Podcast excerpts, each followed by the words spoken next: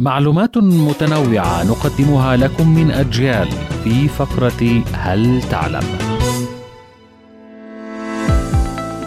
جرت العادة قديما في كوريا على استخدام الحبر الأحمر في كتابة أسماء الأشخاص عند وفاتهم، لذا لا زالت الكتابة بهذا اللون تعد أمرا غير مقبول بل ومحظور هناك، إذ يعتقد أن كتابة اسم شخص بهذا اللون يعد مؤشرا على مصيره القريب مما يثير الرعب لديهم ونتحدث عن كوريا الشمالية. كانت هذه فقره هل تعلم؟ قرأها عليكم من أجيال محمد إبراهيم.